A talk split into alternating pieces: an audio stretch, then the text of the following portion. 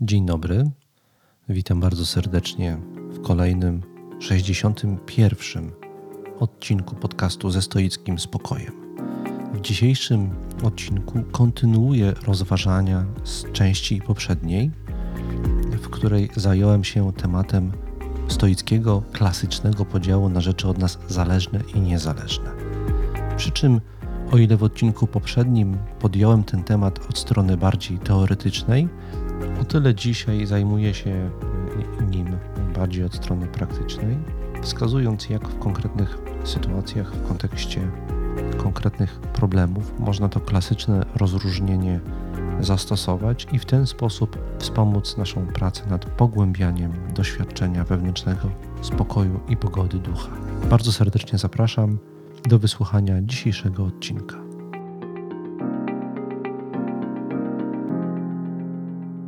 Zanim tu jednak przejdę do zapowiedzianej już rzeczy, chciałbym najpierw jeszcze krótko podziękować. Jeden z wątków tych podziękowań odrobinę pociągnąć. No więc po pierwsze, chciałbym bardzo gorąco podziękować wszystkim słuchaczom i słuchaczkom za bardzo bogaty zwrot, jaki dostałem po ostatnich odcinkach, po kilku ostatnich odcinkach.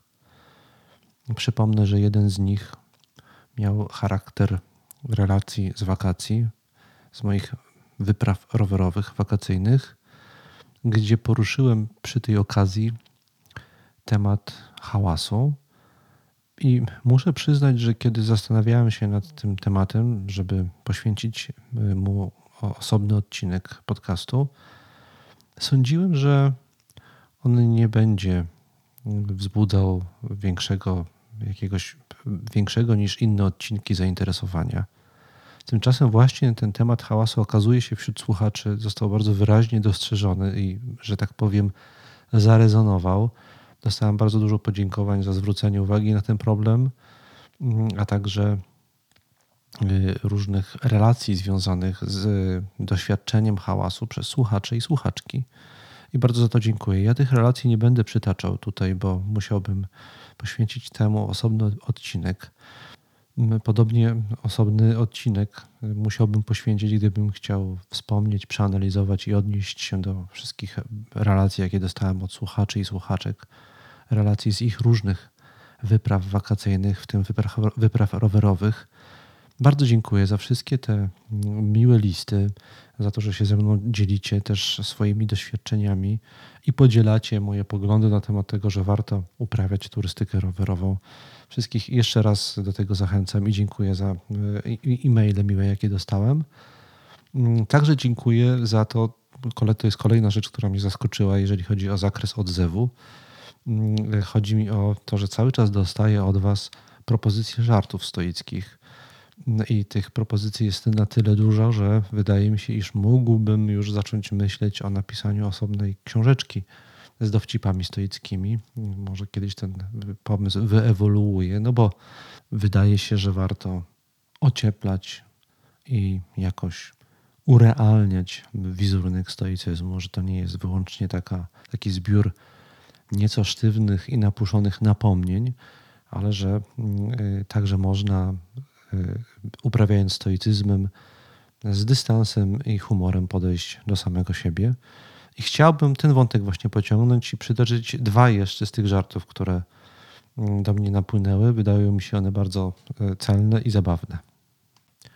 Mm, oto więc na przykład mm, od słuchaczki Anny otrzymałem e-mail, w którym pisze między innymi tak. Cały e, weekend spędziłem remontując przedpokój i to mnie zainspirowało do stoickiego żartu, który brzmi następująco. To, czy uda mi się samodzielnie zmontować szafę, niezależne. Ale myśl, że mógłby to zrobić mój mąż, zależna. Koniec żartu. Inny cudowny żart y, dotarł do mnie kanałem facebookowym y, w grupie zamkniętej przyjaciół ze stoickiego spokoju. Pojawił się następujący y, żart, który naprawdę bardzo mnie ubawił. Oto on, które ze znanych stoickich zaleceń zostało oficjalnie zatwierdzone przez polski sanepid.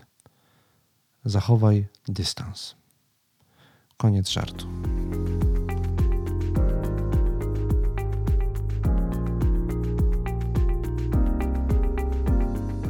No dobrze, w ten sposób można powiedzieć, że trochę się pośmialiśmy. Teraz będzie odrobinę poważniej, bo chciałbym już przejść do rzeczy. Zacznę od krótkiego wyjaśnienia. Ja, i to zresztą zalecam wszystkim praktykującym stoikom, stale obcuję z kilkoma tekstami. To jest element mojej stoickiej praktyki. Mam 4-5 książek, nad którymi w danym okresie siedzę. E, one się różnią co do kalibra. E, są wśród nich książki trudniejsze, wymagające dużego wysiłku i skupienia, ale są też lżejsze. Praktykuję w ten sposób, że co najmniej do dwóch z nich codziennie zaglądam na jakąś taką sesję medytacji nad tekstem.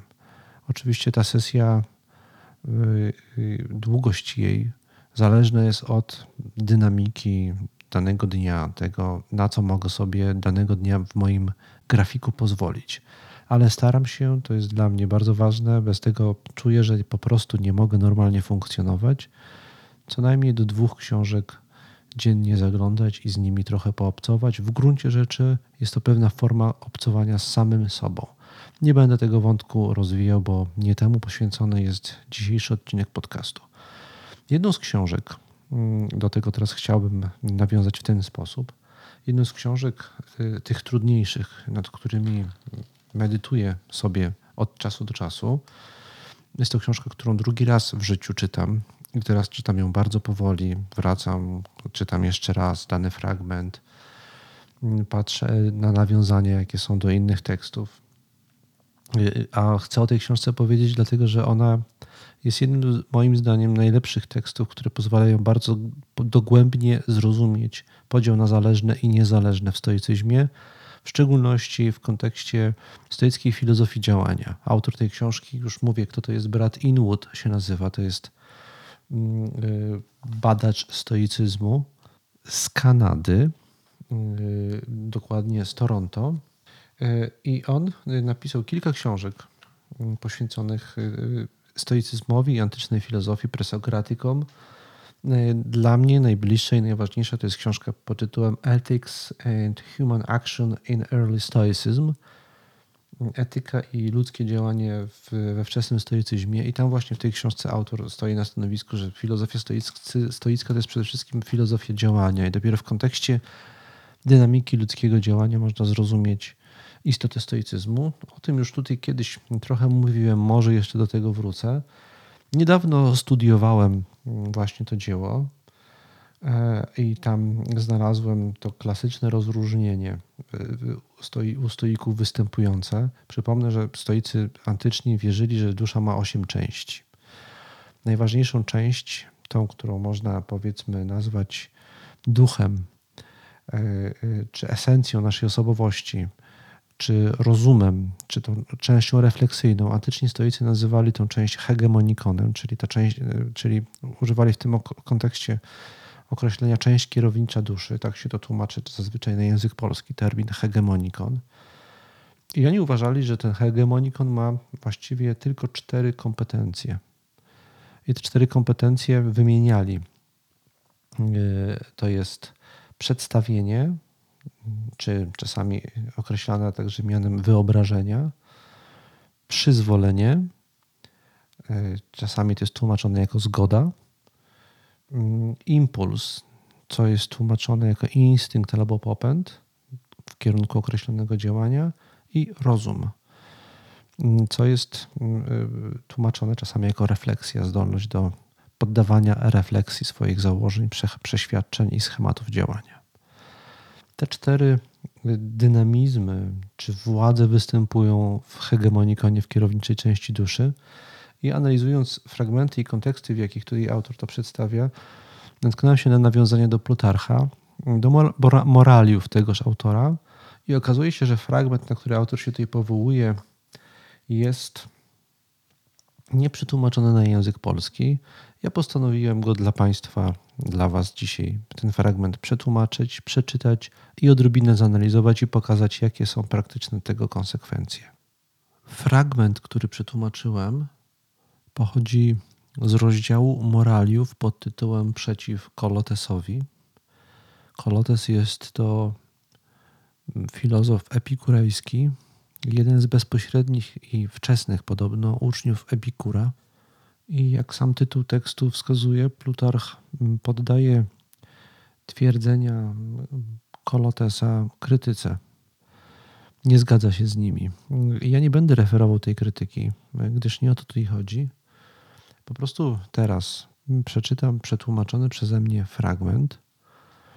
Następnie krótko go skomentuję, powiem dlaczego jest ważny i jak wglądy, jakie w tym fragmencie można wydobyć, odnaleźć, można jak, jak te wglądy można następnie zastosować praktycznie we współczesnym kontekście, a potem jeszcze raz przeczytam ten cytat, żeby słuchaczom go ugruntować.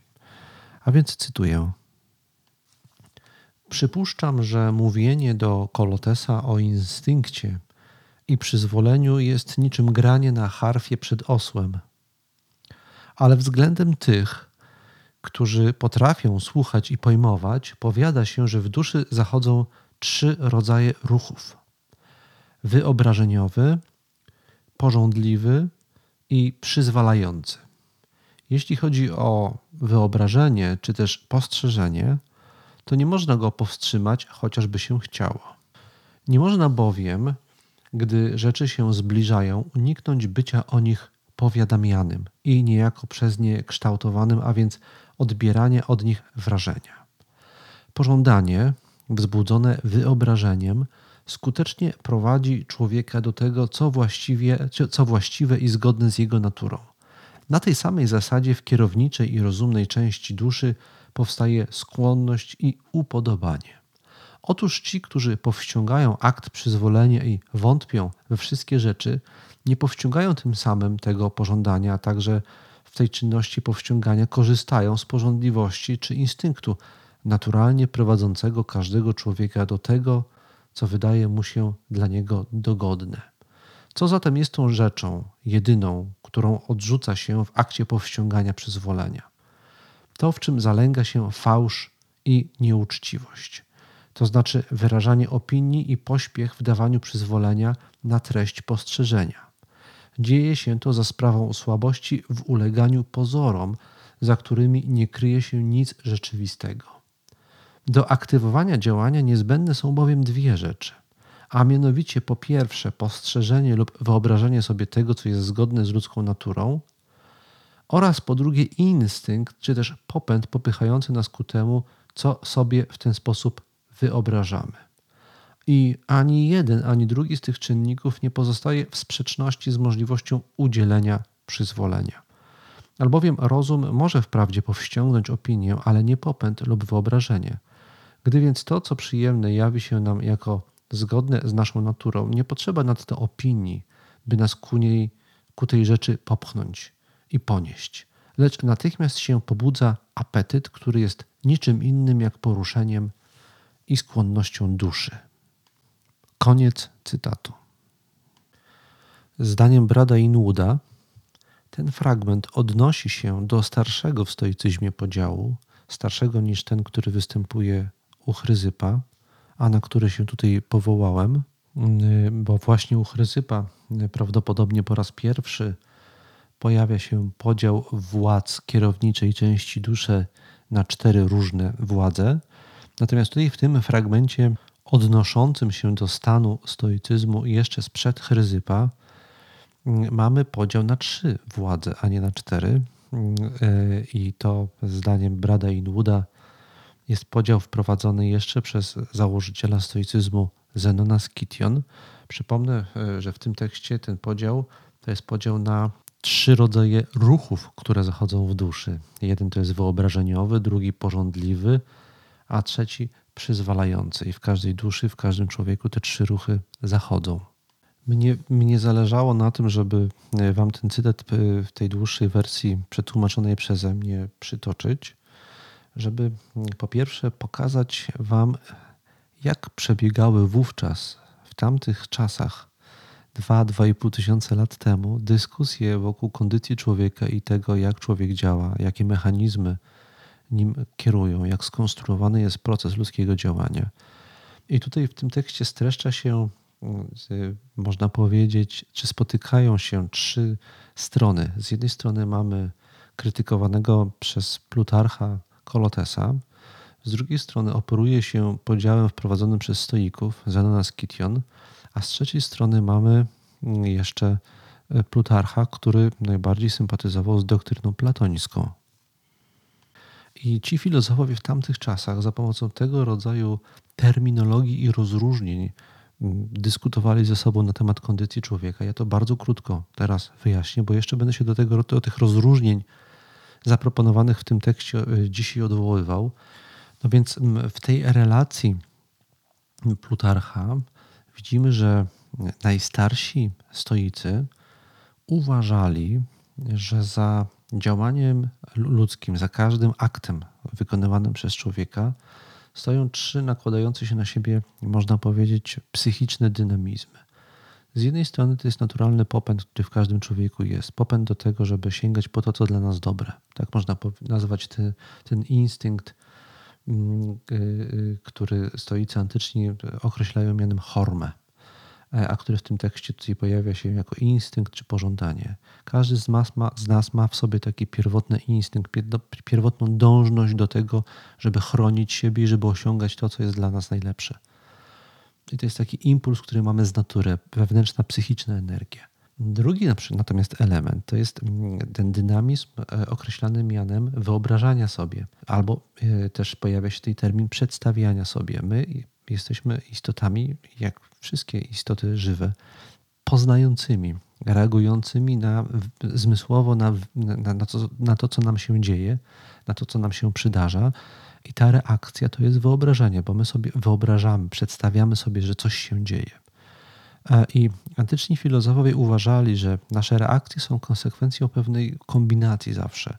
Tego pędu życiowego, który w nas jest, który nas pcha ku temu, co dla nas dobre, który reaguje w określony sposób na bodźce, które z naszego środowiska przepływają w postaci jawiących nam się wyobrażeń. Antyczni stoicy uważali, że tutaj dochodzi jeszcze trzeci element. I można powiedzieć, że cała ich filozofia mm, to polega na badaniu i wyciąganiu wniosku z tych badań, jaką funkcję ten trzeci element odgrywa. I tym trzecim elementem jest to magiczne słowo, dla mnie najważniejsze w stoicyzmie słowo przyzwolenie, syn katatesis. Tak po grecku brzmi ten termin. Ja go konsekwentnie tutaj y, używałem słowa przyzwolenie, bo w niektórych tekstach mm, pojawia się tłumaczenie w postaci terminu zgoda. E, chodzi o to, czy my udzielamy przyzwolenia na to wyobrażenie, które mamy, że to jest rzeczywiste wyobrażenie, a także czy przypisujemy w tym akcie przyzwolenia określoną wartość temu wyobrażeniu. Zanim stoików, dopiero e, ocena, co sobie wyobrażamy, uruchamia działanie.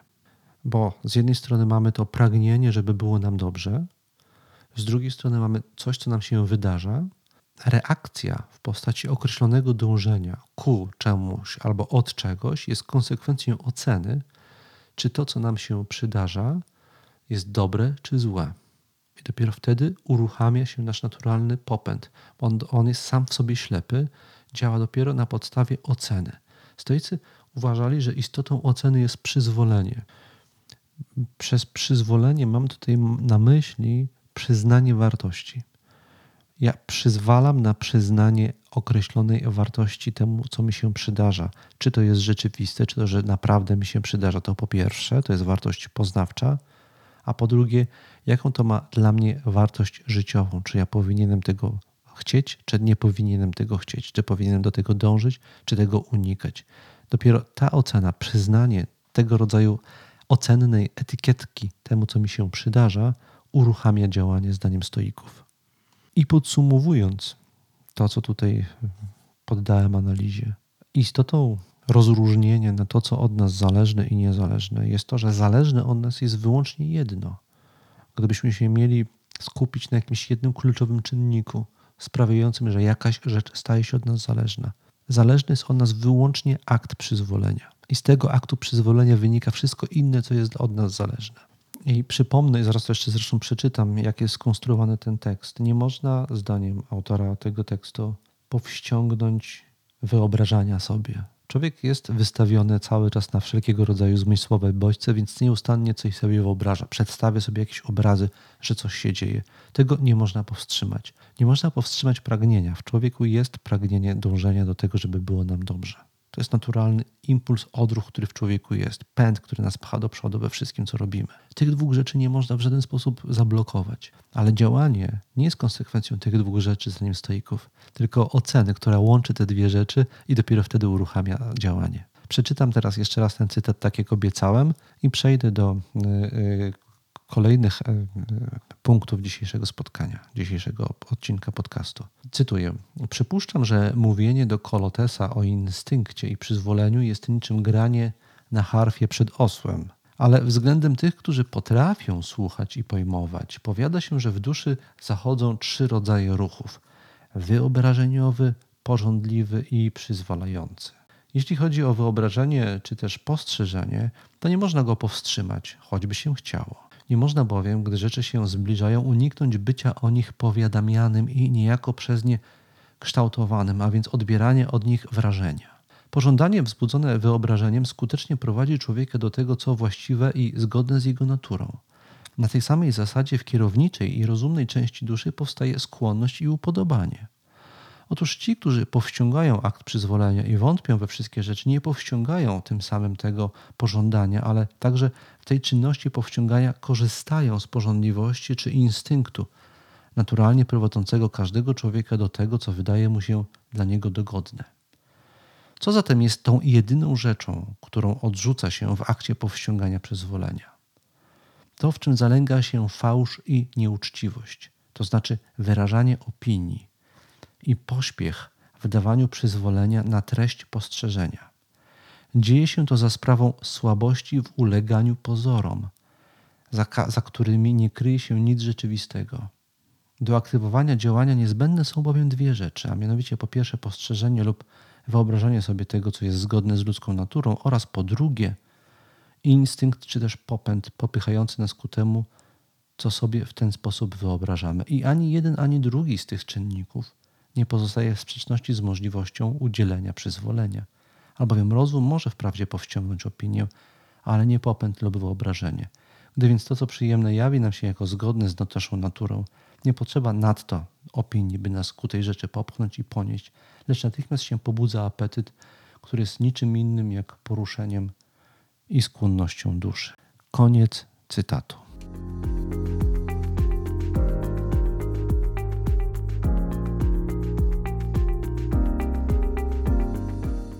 Teraz przechodzę do omówienia konkretnych tak zwanych case'ów, przypadków z życia. Zacznę od mm, przypadku pod tytułem List z Urzędu Skarbowego. Jest to przypadek, który mnie spotkał w przeddzień rozpoczęcia prac nad nagrywaniem tego odcinka podcastu. Żona moja odebrała z poczty mm, awizo adresowane na moją osobę i tym awizo okazał się list polecony z Urzędu Skarbowego. Otworzyłem list i tam nie będę szczegółów podawał, ale jestem wezwany do złożenia wyjaśnień. Dawniej, powiedzmy 10-15 lat temu, listy wszelkie z Urzędu Skarbowego sprawiały, że zalewał mnie lęk i niepokój.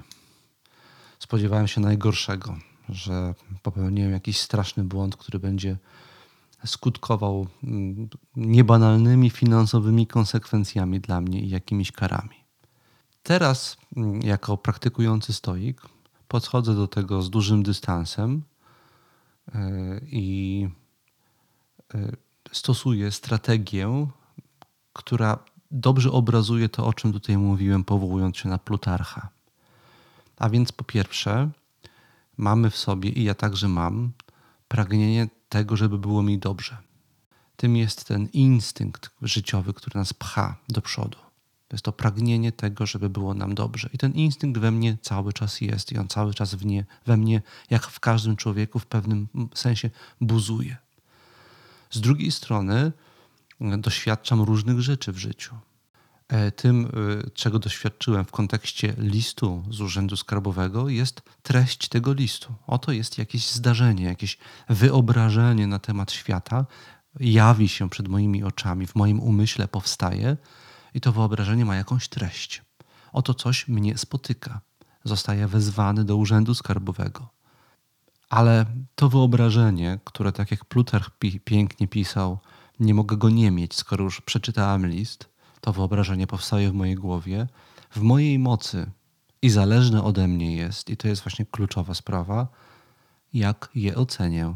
Albowiem uruchomienie w określony sposób mojego przypisanego mi przez naturę pragnienia do te, tego, żeby się czuć dobrze, uruchomienie w taki sposób, że albo poczuję radość, entuzjazm, albo lęk, niepokój, że oto coś staje na drodze mojemu dążeniu do tego, żeby było mi w życiu dobrze, uruchomienie tego w określony sposób jest konsekwencją tego, jak ja ocenię treść tego listu. To ja daję przyzwolenie temu wyobrażeniu, żeby przemawiało do mnie w określony sposób. A więc po pierwsze, co się wydarzyło, a po drugie, jaką wartość, ewentualnie zagrożenie niesie to ze sobą dla mojego życia. No więc ja temu mm, y, listowi dałem tylko jedno przyzwolenie. Na to, że oto dostałem informację z Urzędu Skarbowego, że potrzebne jest wyjaśnienie. Na nic innego nie dałem mu przyzwolenia. I to mm, przyzwolenie, ten typ przyzwolenia zagwarantował mi wewnętrzny spokój. Ja się nie niepokoję tak, jakbym się niepokoił dawniej, że to coś strasznego może mnie spotkać, jakieś straszne konsekwencje wiszą nad moją głową i to tylko kwestia czasu, kiedy spadną. No więc ja na te straszne obrazy nie dałem przyzwolenia i dlatego te obrazy mnie nie prześladują i nie uruchamiają moich lęków. Tak więc ta historia z listem z Urzędu Skarbowego w mojej ocenie dobrze obrazuje działanie przyzwolenia jako jedynej rzeczy, na którą mamy wpływ i która od nas zależy.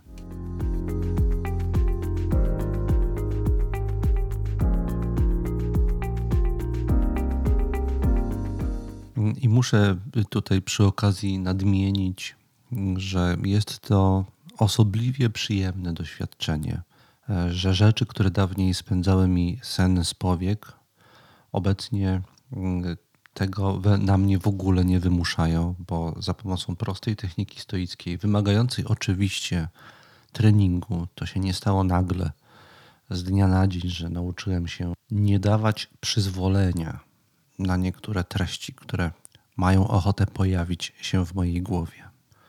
Ale nauczyłem się tego i, i teraz w niektórych sytuacjach dość szybko, dość sprawnie udaje mi się zachować pogodę ducha i spokój, pomimo okoliczności, które sugerowałyby zupełnie inne zachowanie. Teraz jednak chciałbym przejść już do kolejnego przypadku, kolejnego case'u, który wybrałem po to i w tym celu, żeby pogłębić rozumienie procesu oceniania. Do tej pory wyjaśniłem już, że kluczowym elementem, czynnikiem, momentem naszej wolności jest możliwość, umiejętność powściągnięcia przyzwolenia, gdzie to przyzwolenie opiera się na ocenie. Oceniam sytuację. Kluczowym aspektem tej oceny jest podjęcie decyzji, czy uruchomić określone działanie, czy nie, w obliczu jakiejś sytuacji, w której się znaleźliśmy. Mm, I w tym kontekście chciałem przytoczyć wypowiedź słuchacza, który podziękował za moje wakacyjne podcasty, ale jednocześnie wyraził komentarz krytyczny do nich, pisząc tak: Sytuacja na naszej granicy z Białorusią powoduje, że mam mieszane uczucia w związku z wakacyjnymi tematami bo dzieją się w naszym imieniu, a nawet z naszym udziałem, gdyż mamy prawo do demokratycznych wyborów i w większości skorzystaliśmy z niego, rzeczy złe, bardzo złe. Zatem, czy nie byłby to teraz właśnie czas na podcasty związane z ogólnymi hasłami stoicyzm a polityka, może bardziej stoicyzm a moralność społeczna, albo jak być stoikiem, będąc wrogiem ludu w rozumieniu Ibsena. Albowiem lud w większości boi się uchodźców, popiera działania rządu w ich sprawie. Biorąc pod uwagę powiedzmy Senekę i Marka Aureliusza, stoicy bywali zainteresowani takimi zagadnieniami par excellence, powiedziałbym wręcz. Dziękuję za uwagę. Koniec cytatu. A więc y, sytuacja tutaj jest taka: oto coś się dzieje, my dowiadujemy się o tym, że coś się dzieje, a następnie na podstawie tego obrazu sytuacji, jaki mamy w głowie, nasza wolność przejawia się w tym, że decydujemy, jak na tą sytuację reagujemy. I to zarówno w obszarze emocji, jak i w obszarze konkretnych działań. To są nasze decyzje, że decydujemy w taki, a nie inny sposób. Kluczowym jednak pytaniem w tym kontekście, mm, który przytoczył słuchacz, y, jednak ja bym tak to sformułował, jest pytanie o to, na ile to jest nasze, a na ile nasza reakcja jest jakoś jednak wyznaczona przez obiektywne wartości w rozumieniu kantowskim. Kant y, uważał, że my nie robimy to, co nam się wydaje, że powinniśmy robić. My robimy to, co oceniamy, że jest słuszne, że powinniśmy zrobić. Natomiast słuszność to nie jest kwestia naszych odczuć wewnętrznych, to jest kwestia pewnego obiektywnego, moralnego porządku świata. W pewnych sytuacjach należy zareagować, bo jeżeli się dzieje zło, jeżeli my diagnozujemy, że dzieje się zło, to jesteśmy zobowiązani do tego, żeby reagować. Można chyba więc powiedzieć paradoksalnie, że obowiązek reagowania nie jest zależny od nas, bo on jest nakładany przez nas, przez to, jak jest świat moralnie skonstruowany. Od nas zależy, czy my to rozpoznamy i czy odpowiednio zareagujemy. Jednak tutaj kluczowe jest y, w ujęciu antycznych stoików, i wydaje mi się, że to jest cały czas aktualne, jeszcze jeden element oceny tej sytuacji. Na ile nasze działanie jest sprawcze. To znaczy, na ile my możemy naszym działaniem coś zmienić na lepsze. I to bardzo szczegółowo, ten problem bardzo szczegółowo omawia Seneca w takim znanym dialogu o bezczynności, gdzie on usprawiedliwia swoją bezczynność polityczną w pewnym okresie. I on usprawiedliwia mm, tą bezczynność e, oceną niskiego prawdopodobieństwa swojego sprawstwa. Jeżeli mamy wszelkie przesłanki przypuszczać, e, że nasze działanie, cokolwiek byśmy zrobili, zrobili, nic e, na daną sytuację nie zmieni, to jest to przesłanka na rzecz tego, żeby działania nie podejmować i zaangażować się w tych obszarach, w których działanie przyniesie jakiś rezultat. I przyznam szczerze, że to jest jeden z powodów, dla których ja osobiście często powściągam się od zabierania głosu na łamach między innymi podcastu na temat różnych bieżących, dziejących się w Polsce spraw, bo przypuszczam, że włączanie się w te sprawy w tym trybie, trybie podcastu nie zmieni właściwie niczego, że to się nie przyczyni do zmiany opinii kogokolwiek. Czytałem niedawno takie badania, które pokazują, że coś się zmieniło w dynamice kształtowania opinii publicznej w Polsce i w ogóle na świecie. Mianowicie w ten sposób, że im więcej osób, w tym autorytetów, wypowiada się w jakiejś sprawie, tym większe e, ta sprawa budzi opory w społeczeństwie i tym mniejsza jest szansa, że ktokolwiek w jakiejkolwiek sprawie zmieni opinię. Na przykład mm, to ma miejsce w przypadku e, szczepionek w Polsce. Im więcej autorytetów jest zaangażowanych w popularyzowanie konieczności szczepienia się, tym więcej ludzi jest sceptycznych, nienastawionych do tego, żeby się szczepić. Jeżeli ja więc teraz będę głosił w moim podcaście, że dzieje się wielkie zło na granicy polsko-białoruskiej, e, nawet mógłbym zaangażować się w jakąś akcję, e, pojechać w te rejony, które są mi e, też bardzo bliskie, bo ja tam często na rowerach, na rowerze jeździłem, to mm, prawdopodobnie jedynie utwierdziłbym w tym, że to jest zło tych, którzy już o tym wiedzą. Natomiast ci, którzy są innego zdania, w żaden sposób za sprawą mojego podcastu nie zmieniliby poglądów w tej sprawie. W związku z tym takie, taka deklaracja z mojej strony niczego by nie zmieniła. Ja planuję podcast o stoicyzmie w polityce albo o tym, jak reagować na politykę po stoicku. Planuję taki podcast i wtedy jeszcze do tego tematu zgłoszonego przez słuchacza nawiążę. Natomiast na chwilę obecną moja deklaracja jest taka, że trzeba szukać innych sposobów docierania do ludzi. A w Polsce w tej chwili najważniejsze jest to, żeby swoimi kanałami i y, osobistymi, wykorzystując różne kontakty, jakie mamy w życiu zawodowo i prywatnie, docierać do tych osób y, osobiście i starać się przekonać y, do tego, jak głosować w następnych wyborach. Jeżeli uważamy, jeżeli uważacie, że wiecie, na kogo należy zagłosować. Bo to chyba jest jedyna na chwilę obecną realna szansa, żeby w Polsce coś zmienić. Podsumowując więc ten wątek, powiem tak, że zależne jest ode mnie to, czy zaangażuję się w takie działania, które w mojej ocenie mają szansę przynieść jakieś wymierne rezultaty w postaci zmiany otaczającego mnie świata na lepsze. I to jest moja wolność, w tym się wyraża moja wolność, że wybiorę właśnie takie działania. Czy one przyniosą pożądane rezultaty, takie jakie sobie wymyśliłem, że mogą przynieść, to oczywiście jest rzecz już ode mnie niezależna i trzeba to zaakceptować. Ode mnie zależne jest, czy będę to robił.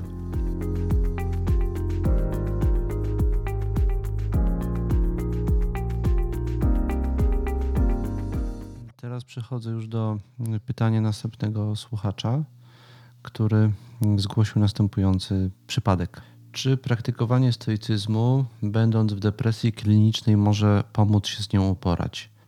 Czy praktykowanie stoicyzmu jest właściwie prawie uniemożliwione, jeżeli nastrój nie leży już w zakresie naszej woli, a jest rzeczą niezależną od nas? Czy w związku z tym zdolność do odczuwania przyjemności, która jest odebrana przez depresję, jest warunkiem koniecznym do praktykowania stoicyzmu? Koniec cytatu. Dziękuję za zgłoszenie tego tematu. Uważam, że to jest temat, y, który odnosi się do tego, o czym mówiłem w poprzednim odcinku, mianowicie do tej granicy wewnętrznej.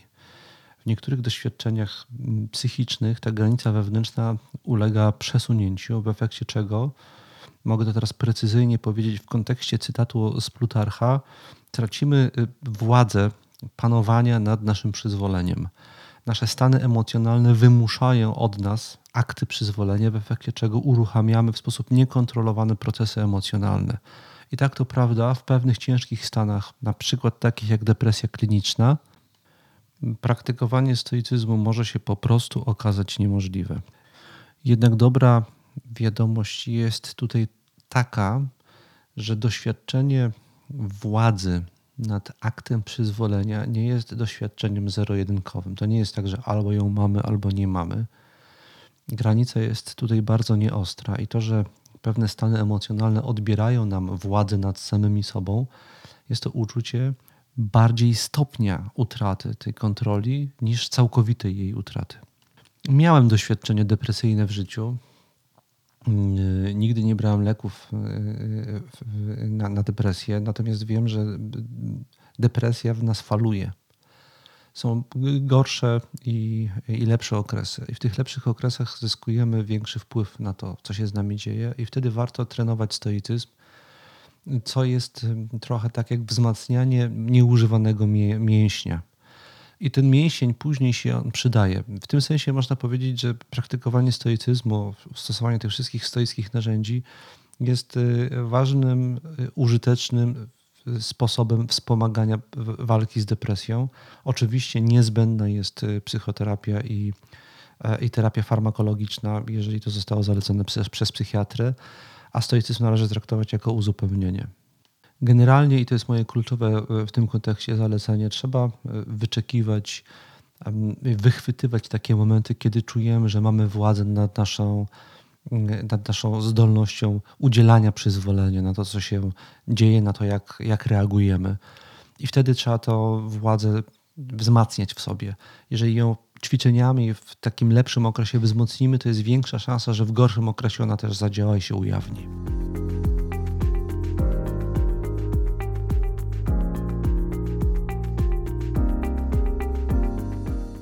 Przechodzę do kolejnego pytania, kolejnego case'u. Y, y, słuchacz przysłał następujący komentarz i, i komentarz zawierający pytania. Witam, jestem w trakcie lektury zakazanej historii filozofów. W książce spotykamy się z pojęciem logos spermatikos. Czy biorąc pod uwagę definicję tego pojęcia podaną w książce, nie powinno się podejść do zmian klimatycznych w sposób naturalny. Tak po stoicku zmiany zachodzą, jedne byty znikają, inne się tworzą. Twórcza zasada przenikająca świat cały czas e, jest odpowiedzialna za zmiany. Mm, moja odpowiedź jest taka, żeby na nią, żeby do tego się odnieść, trzeba przede wszystkim odróżnić dwa rodzaje procesów w świecie, czy dwa rodzaje determinizmów, w szczególności jeżeli chodzi o determinizmy, które nas dotyczą. Jeden to jest taki ogólnoświatowy determinizm, który stoicy opisywali właśnie za pomocą kategorii logos spermatikos. Chodzi tutaj o ten e, logos tworzący, kreujący cały czas świat, e, odpowiedzialny za zachodzące w tym świecie zmiany, za powstawanie i niszczenie. I tak, zgodnie z, z logiką tego logosu, kiedyś życie na Ziemi powstało, kiedyś ono też zniknie całe galaktyki powstają i znikają, i my, jako ludzie żyjący na tej Ziemi, jesteśmy częścią tego kosmicznego procesu, i to, i to falowanie świata, zmian, nieustanne zmiany powinniśmy jako jakąś naturalną część tego świata zaakceptować. Nie możemy tego po prostu nie zaakceptować. To jest całkowicie od nas niezależne, że tak się dzieje, my jesteśmy częścią tego procesu. To jest jeden rodzaj determinizmu, o którym mówią stoicy. Drugi rodzaj determinizmu to jest nasz wewnętrzny determinizm. Tym, co mnie determinuje, to jest to, o czym tutaj mówiłem już wiele razy i to jest bardzo e, teraz korzystne, żeby nawiązać za pomocą Plutarcha mm, e, do, do, do zapytania słuchacza. E, chodzi o ten wewnętrzny impuls, pęd, to horme stoickie, tą e, wewnętrzną naszą dążność do tego, żeby było nam w życiu dobrze. My jesteśmy tak skonstruowani, tak można powiedzieć, przez, e, przez, przez kosmiczny dynamizm wypchnięci do życia, że napędza nas potrzeba, pragnienie, pożądanie dobra. Tego, żeby nam było w życiu dobrze. Przez, być, przez to doświadczenie dobra w życiu rozumiem w tym kontekście sytuację, w której możliwie największe spektrum naszych naturalnych potrzeb możliwie najpełniej jest w życiu, które żyjemy, zaspokojone.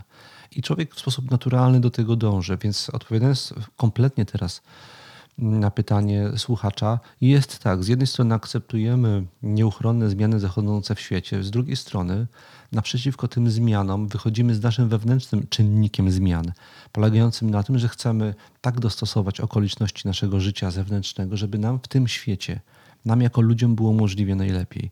Dlatego jeżeli istnieją przesłanki na rzecz tego, że zmiany klimatyczne można zatrzymać, że dzięki ludzkim działaniom można e, sprawić, że życie, będzie, życie na Ziemi będzie dla ludzi dogodniejsze, wygodniejsze, przyjemniejsze, pełniejsze, to należy takie działania podjąć.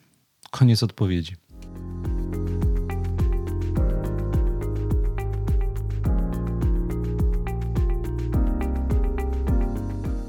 Przechodzę do ostatniego pytania mm, na dzisiaj, przygotowanego przeze mnie. Mm, słuchacz y, kolejny zgłasza następującą kwestię.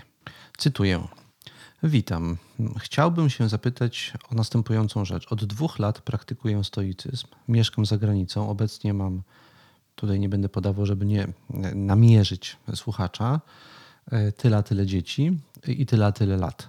Chcę mieć fizyczny kontakt z moją żoną, jednak słuchając podcastu o e, seksie u, ortodoksyjnych stoików, dowiedziałem się, że oni uważają, że seks służy tylko po to, żeby mieć dzieci. Przeanalizowałem tematykę i doszłem do wniosku, że e, stoicyzm uważa, że miłość duchowa powinna poprzedzać seks z partnerską. Czy to jest e, poprawna interpretacja? Ja postanowiłem, to jest koniec cytatu, ja postanowiłem wykorzystać ten cytat żeby trochę powiedzieć jeszcze więcej o seksie w kontekście właśnie podziału na rzeczy od nas zależne i niezależne. I to też będzie dla mnie stanowiło dogodny punkt odniesienia, żeby pociągnąć poprzedni wątek. Otóż jedną z tych potrzeb, jako, jakie człowieka cechują, które jeden z dynamizmów, jakie mamy, naturalnych dynamizmów, to jest, to jest dążenie do bliskości. Człowiek jest istotą relacyjną, czyli dąży do dobrostanu, który jest zawsze w relacji do kogoś i do czegoś. Można powiedzieć, że ludzki dobro, dobrostan jest zawsze dobrostanem relacyjnym względem czegoś.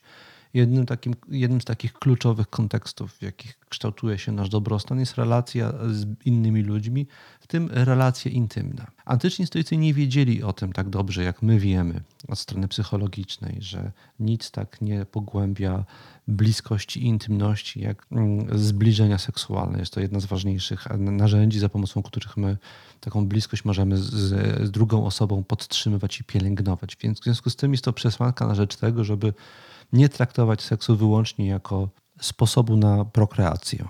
Jednak temat dzisiejszego podcastu prowokuje do tego, żeby zwrócić na jeszcze jedną uwagę rzecz. Otóż w seksie bardzo wiele rzeczy nie zależy od nas. Pobudzenie seksualne jest procesem, w którym y, y, odgrywa dużą rolę bardzo wiele czynników, także podświadomych, i my możemy chcieć zbliżenia, ale z różnych powodów może nam się to nie udać.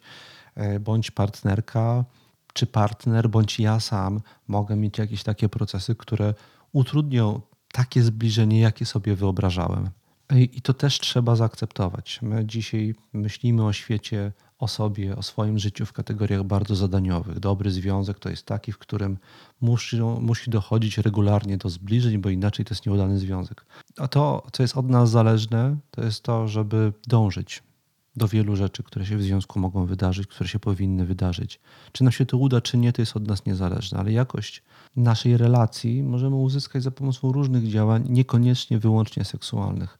W związku z tym potrzeba y, zbliżeń seksualnych jest jedną z tych rzeczy, do których trzeba mieć dystans i traktować jako rzecz dogodną, godną wyboru, możliwą do realizacji, czymś do czego się dąży, ale od czego nie, nasze szczęście i spełnienie nie powinny być uzależnione. Albowiem nasze szczęście i zadowolenie w ujęciu stoików zależy przede wszystkim od kondycji naszej refleksyjności, gdzie w samym sercu tego, co stoicy określają mianem refleksyjności, jest dzierżenie w naszej mocy, w mojej mocy, władzy udzielania przyzwolenia.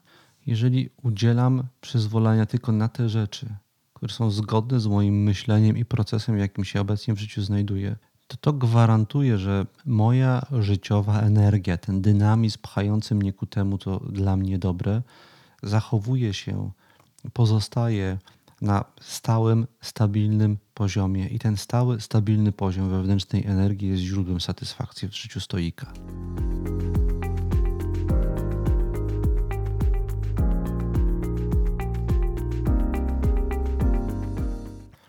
W ten sposób dotarliśmy już niemal do końca dzisiejszego odcinka. Na koniec chciałem mm, podziękować i jedną rzecz ogłosić. E, najpierw zacznę od ogłoszenia. E, ja wiem, e, że nie wszystkim udało się zapisać na warsztat stoicki, który organizuję w październiku. Dość szybko te wszystkie wolne miejsca zostały zajęte. Ja planuję, mm, y, że będą kolejne takie warsztaty. Prawdopodobnie będzie już w styczniu kolejny warsztat. Wstępnie się do tego przymierzam. Wkrótce to ogłoszę. Mm, to ogłoszenie będzie na Instagramie i na Facebooku, że taki warsztat jest, więc proszę wypatrywać tego ogłoszenia i będzie się można zapisać. Mm, jeżeli chodzi o podziękowania, to jeszcze raz wszystkim słuchaczom za słuchanie i feedback y, y, ogromny i życzliwy i wartościowy merytorycznie. Bardzo dziękuję. Nie na wszystkie pytania i sugestie jestem w stanie zareagować, bo musiałbym nagrywać ze 3-4 razy w tygodniu podcast, ale staram się na miarę moich możliwości uwzględnić najistotniejsze i te, które jakoś są po drodze moich planów mm, podcastowych mm, pytania. Szczególne podziękowania należą się oczywiście patronom e, i chciałbym wymienić część z tych patronów, którzy najbardziej hojnie mnie wspierają. Są to mm, następujące osoby: Ludwik Sienica, Jacek Mędyk, Jakub Ciesielczuk, Krzysztof Pudełko, Justyna Metryka, Rafał Myrcik, Maciej Kuchnert, Małgorzata Małudzińska, Mateusz Siwerski, Bartosz Szarowar, Łukasz Mandzyn, Maciej Grycz, Sławomir Franus, Bartłomiej Mazur, Kamila Reiter i Leszek Para. Bardzo Wam serdecznie za wsparcie dziękuję. Wam i pozostałym patronom. To wsparcie jest dla mnie bardzo ważne, bo pozwala po prostu na wysokim poziomie jakości produkować ten podcast. Do usłyszenia w następnym odcinku podcastu ze stoickim spokojem.